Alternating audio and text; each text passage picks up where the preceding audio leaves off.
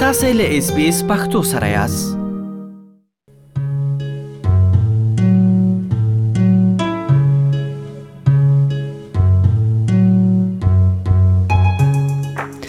د لامبو زکول ممکن د لومړیتوبونو په سیر نه ښکاري کله چې په استرالیا کې مو ژوند پیلوي په هر صورت حقیقت دا دی چې د استرالیا څخه بهر زیږیدلي خلک هر کال په استرالیا کې د ډوبېدو احسایې کې ډیر شمیر جوړوي په استرالیا کې لامبو وهل د ژوند یو مهم مهارت دی په هر عمر کې یعنی د لامبو زکول نه یوازې ساسو د ډوبېدو مخه نیسي بلکې ساسو د کورنۍ ساتنه هم کولای شي او تاسو سره د استرالیا په ژوند کې په ډاډه توګه یعنی برخه اخیستلو کې مرسته کوي استرالیا کې مو د لامبو ارزښت کتنه کړې ده بشپړ رپورت واورئ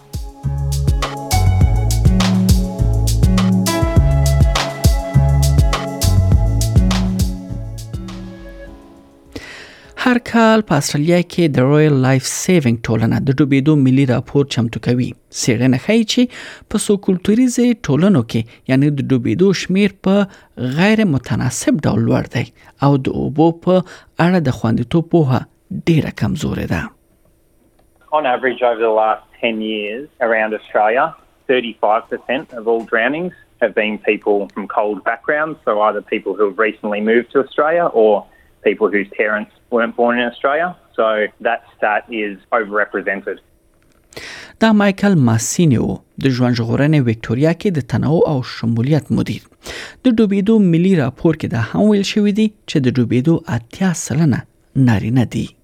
We believe that this is because men generally bigger risk takers maybe they overestimate their ability in the water. Sometimes they think they can do things that they can't. And also, particularly in our cold groups, so people who are newly arrived to the country, women might come from countries where physical activity, sport, and swimming aren't really a priority for them. Uh, it's not generally accepted in some cultures overseas.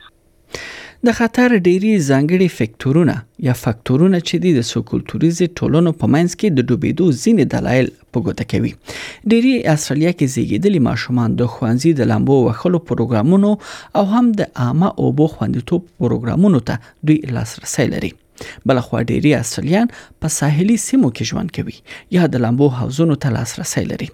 استرالیا کې زیږیدلی او بو کچه تفریح ته ډیره ترجیح ورکوي ولکه دا بیا نور سو کلتوریزه ټولنه غړو سره پرتله شي دا بیا یو ستر توپیر دی سوفیا په ارتریا کې یعنی لوی شوې ده او کینیا ته د کډواله په توګه تللې کله چې استرالیا ته ورسېده هغه د لامبو یا اوبو خوندیتوب په نه درلوده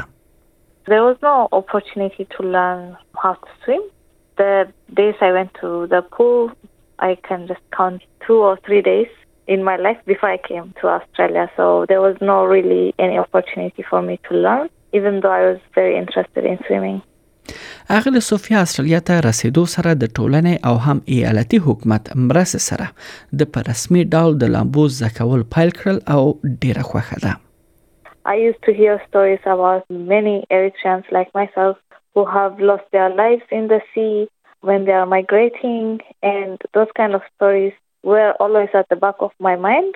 But once I got into the swimming, it's overcoming that fear that you know anything can happen while you're at the pool because I didn't know how to float. I didn't have the basic skills to survive in water. بل خبره چې ډیره زیاته مهمه ده استرالیا ته نوی راغلي خلک اکثرا نشي کولای د خلاصو اوبو خطرونه وپیژني لکه ریپس قوي سندونو سپي چې دا ټول د استرالیا په ساحلونو کې یو له لویو خطرونو څخه ګڼل کیږي د استرالیا په سندونو بحر او هم جیلونو کې خطرونه زیات شوي دي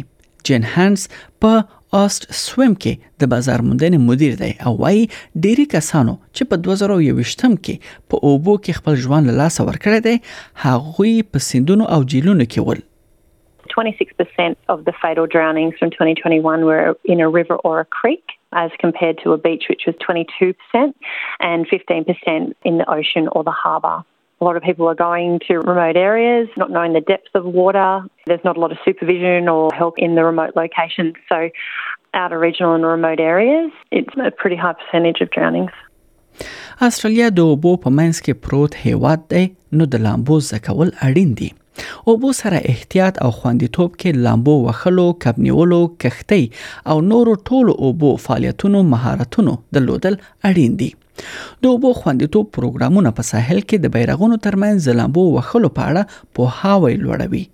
تل د ملګري سره لامبو وښل او اوبو کې د غیر متوقع یعنی لارو په اړه پوهیدل ډیر اړین دي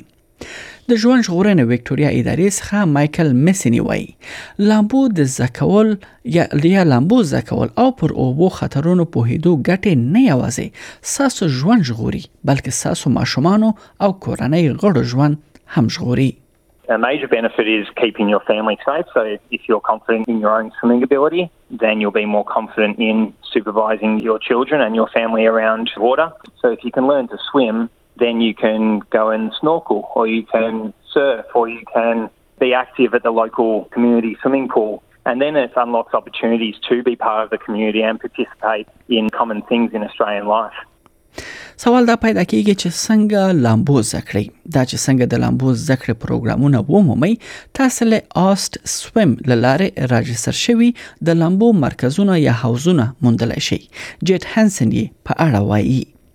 They've got lessons aged from six months, so babies, all the way through to adults. Some centres have special called lessons, so they might go one on one or you can go within a group depending on the age group. So if you just go down to your local SIM centre, you can go through your council or even jump on the OSIM website, which has a SIM centre locator in your area and you'll be able to find all the details there. د لامبو وښلو زده کړې د درس او صد قیمت د 19 او 26 ډالرو ترمنځ دی او دا د لامبو د هاوس موقعیت پورې اړه لري او دې پورې هم اړه لري چې که تاسو لامبو انفرادي زده کوئ او یا له کومې ډلې سره تاسو یعنی تاسو ټول کولای شئ چې د لامبو زده کړې هغه پروګرامونه ومومئ چې وړیا یا سبسایډایز وي